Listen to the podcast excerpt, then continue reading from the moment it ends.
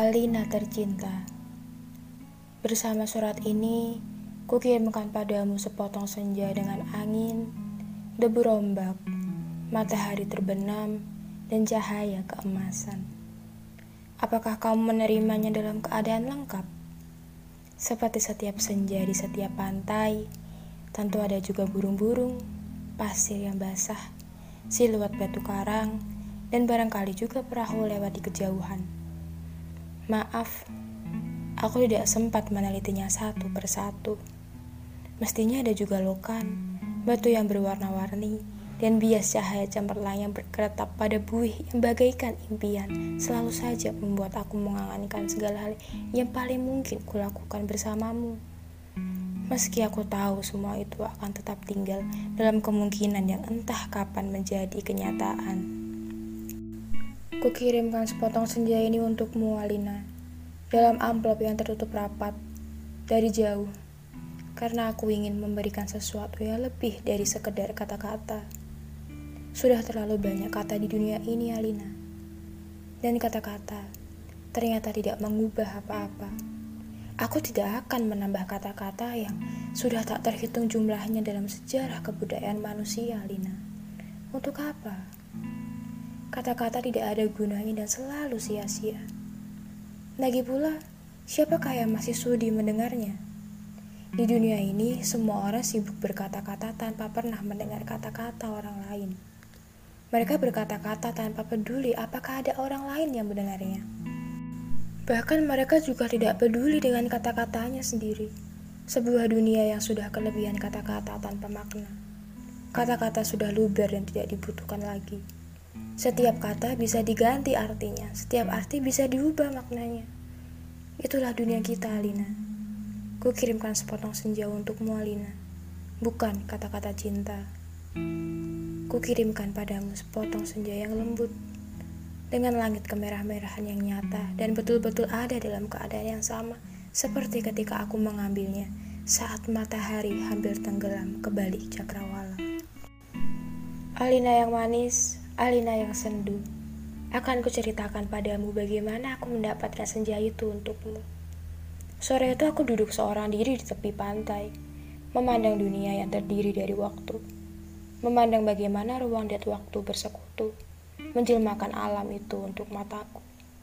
Dari tepi pantai, di tepi bumi, Semesta adalah sapuan warna keemasan dan lautan adalah cairan logam meski buih pada debut ombak yang mengepas itu tetap saja putih seperti kapas. Dan langit tetap saja ungu. Dan angin tetap saja lembab dan basah dan pasir tetap saja hangat ketika aku usapkan kakiku ke dalamnya. Kemudian, tiba-tiba senja dan cahaya gemetar. Keindahan berkutat melawan waktu dan aku tiba-tiba teringat padamu. Barangkali senja ini bagus untukmu, pikirku. Maka ku potong senja itu sebelum terlambat. Dengan begitu, keindahan itu bisa abadi dan aku bisa memberikannya padamu. Maka ku potong senja itu sebelum terlambat. Ku kerat pada empat sisi, lantas ku masukkan ke dalam saku. Dengan begitu, keindahan itu bisa abadi dan aku bisa memberikannya padamu. Setelah itu aku berjalan pulang dengan perasaan senang. Aku tahu kamu akan menyukainya karena aku tahu itulah senja yang selalu kamu bayangkan untuk kita. Aku tahu kamu selalu membayangkan hari libur yang panjang, perjalanan yang jauh, dan barangkali sepasang kursi malas pada sepotong senja di sebuah pantai di mana kita akan bercakap-cakap sembari memandang langit sambil berangan-angan. Sambil bertanya-tanya, apakah semua ini memang benar-benar telah terjadi? Kini senja itu bisa kamu bawa ke mana-mana Ketika aku meninggalkan pantai itu, kulihat orang-orang datang berbondong-bondong. Ternyata mereka menjadi gempar karena senja telah hilang. Kulihat cakrawala itu berlubang sebesar kartu pos. Alina sayang, semua ini telah terjadi dan kejadiannya akan tetap seperti itu. Aku telah sampai ke mobil ketika di antara kerumunan itu, kulihat seorang menunjuk-nunjuk ke arahku. Dia yang mengambil senja itu. Saya lihat dia mengambil senja itu. Kulihat orang-orang itu melangkah ke arahku. Melihat gelagat itu, aku segera masuk mobil dan tancap gas. Catat nomornya, catat nomornya. Aku melojit ke jalan raya. Ku kebut mobilku tanpa perasaan panik. Aku sudah berniat memberikan senja itu untukmu dan hanya untukmu saja, Alina. Tak seorang pun boleh mengambilnya dariku. Cahaya senja yang kemasan itu berbinar-binar di dalam saku. Aku merasa cemas, karena meskipun kaca mobilku gelap tapi cahaya senja tentu cukup terang dilihat dari luar. Dan ternyata cahaya senja itu memang menembus segenap celah dalam mobilku sehingga mobilku itu meluncur dengan nyala, cemerlang ke aspal maupun ke angkasa. Dari radio yang kusetel aku tahu, berita tentang hilangnya senja telah tersebar ke mana-mana. Dari televisi dalam mobil, bahkan kulihat potretku sudah terpampang. Aduh, baru hilang satu senja saja sudah paniknya seperti itu. Apa tidak bisa menunggu sampai besok? Bagaimana kalau setiap orang mengambil senja untuk pacarnya masing-masing? Barangkali memang sudah waktunya dibuat senja tiruan yang bisa dijual di toko-toko, dikemas dalam kantong plastik, dan dijual di kaki lima. Sudah waktunya senja diproduksi besar-besaran, supaya bisa dijual anak-anak pedagang asongan di perempatan jalan. Senja, senja, cuma seribu tiga. Di jalan tol, mobilku menuju masuk kota. Di jalan tol, mobilku melaju masuk kota. Aku harus hati-hati karena semua orang mencariku. Sirene mobil polisi meraung di mana-mana. Cahaya kota yang tetap gemilang tanpa senja membuat cahaya keemasan dari dalam mobilku tidak terlalu kentara. Lagi pula di kota, tidak semua orang peduli apakah senja hilang atau tidak. Di kota, kehidupan berjalan tanpa waktu. Tidak peduli pagi, siang, sore, atau malam. Jadi tidak pernah penting senja itu ada atau hilang. Senja cuma penting untuk turis yang suka memotret matahari terbenam.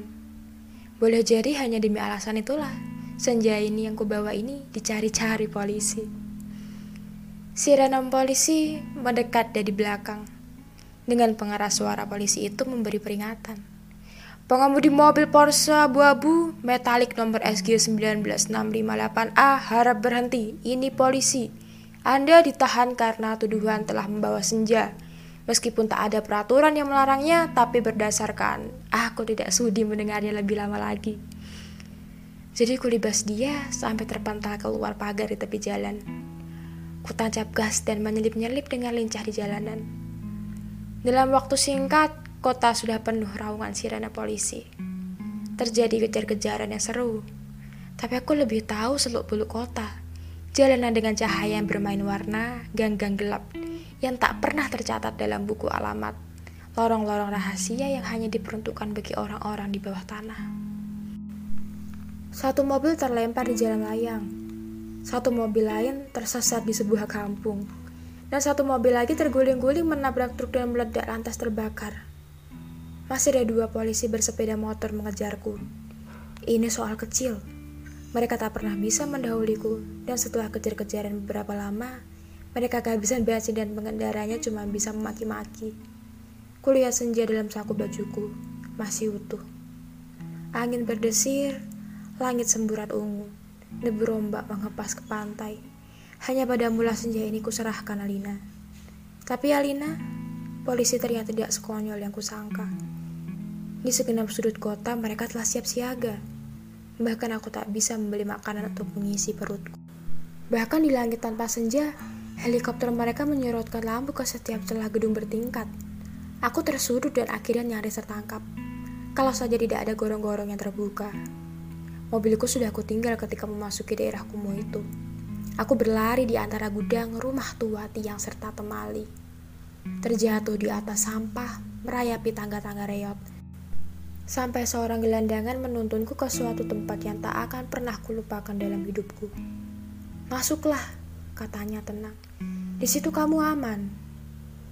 Ia menuju gorong-gorong yang terbuka itu. Ada tikus keluar dari sana.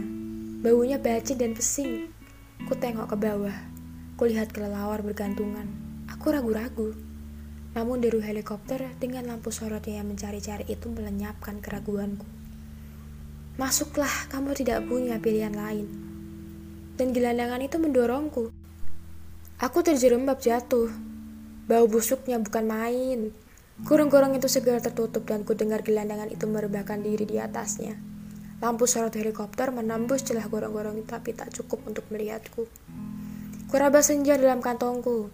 Cahayanya yang merah kemas-emasan membuat aku bisa melihat dalam kegelapan. Aku melangkah dalam gorong-gorong yang rupanya cukup tinggi juga. Kusibangkan kelelawar-kelelawar bergantungan yang entah mati entah hidup itu. Kulihat cahaya putih di ujung gorong-gorong. Air busuk mengalir setinggi lutut, namun makin ke dalam makin surut. Di tempat yang kering, kulihat anak-anak gelandangan duduk-duduk maupun tidur-tiduran. Mereka berserakan memeluk rebana dengan mata yang tidak mencecarkan kebahagiaan. Aku berjalan terus melangkahi mereka dan mencoba bertahan. Betapapun ini lebih baik daripada aku harus menyerahkan senja, Lina. Di ujung gorong-gorong, di tempat cahaya putih itu, ada tangga menurun ke bawah. Kok ikuti tangga itu? Cahaya semakin terang dan semakin benderang. Astaga, kamu boleh tidak percaya, Lina, tapi kamu akan terus membacanya. Dan tahukah kamu ketika aku keluar dari gua itu aku ada di mana? Di tempat yang persis sama dengan tempat di mana aku mengambil senja itu untukmu, Alina. Sebuah pantai dengan senja yang bagus, ombak, angin, dan kepak burung. Tak lupa cahaya kemasan dan bias ungu pada mega-mega yang berarak bagaikan aliran mimpi.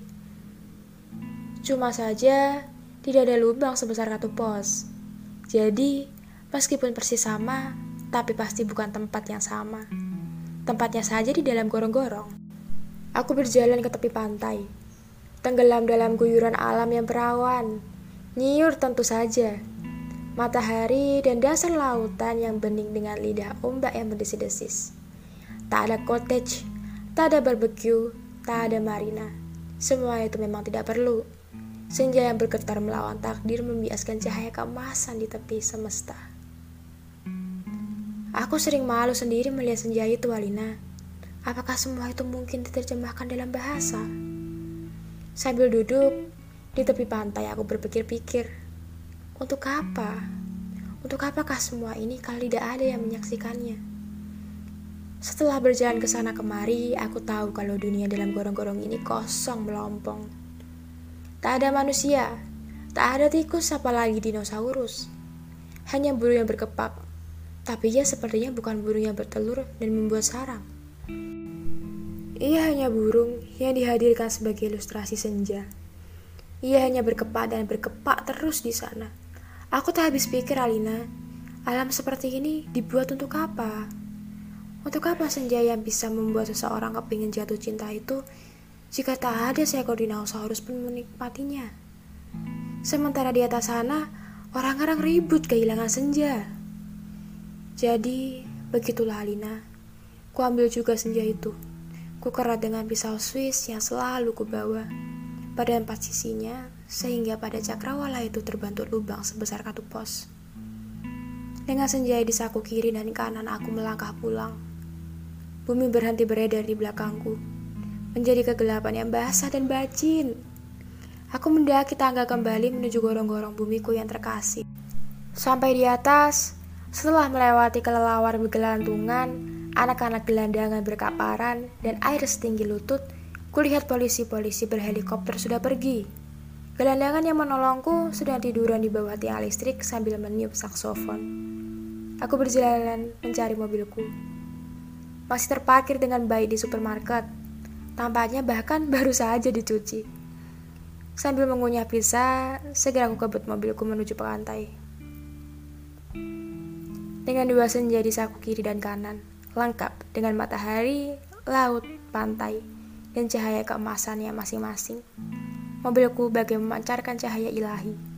Sepanjang jalan layang, sepanjang jalan tol, ku tancap gas dengan kecepatan penuh. Alina kekasihku, pacarku, wanitaku. Kamu pasti sudah tahu apa yang terjadi kemudian. Kupasang senja yang dari gorong-gorong pada lubang sebesar kartu pos itu, yang ternyata pas. Lantas ku kirimkan senja yang asli ini untukmu, lewat pos. Aku ingin kamu mendapatkan apa yang kulihat pertama kali. Senja dalam arti yang sebenarnya, bukan semacam senja yang ada di gorong-gorong itu. Kini gorong-gorong itu betul-betul menjadi gelap, Alina. Pada masa yang akan datang, orang-orang tua akan bercerita pada cucunya tentang kenapa gorong-gorong menjadi gelap. Mereka akan berkisah bahwa sebenarnya ada alam lain di bawah gorong-gorong dengan matahari dan rembulannya sendiri. Namun semua itu tiada lagi karena seseorang telah mengambil senja untuk menggantikan senja lain di atas bumi. Orang-orang tua itu juga akan bercerita bahwa senja di atas bumi yang asli telah dipotong dan diberikan oleh seseorang kepada pacarnya. Alina yang manis, paling manis, dan akan selalu manis. Terimalah seponjong senja itu, hanya untukmu, dari seseorang yang ingin membahagiakanmu. Awas, hati-hati dengan lautan dan matahari itu.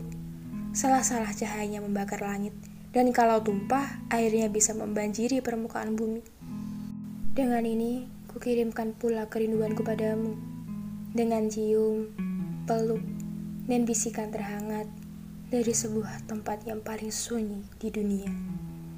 Seno Gumira Aji Dharma, Karangbolong, Jakarta, 1991.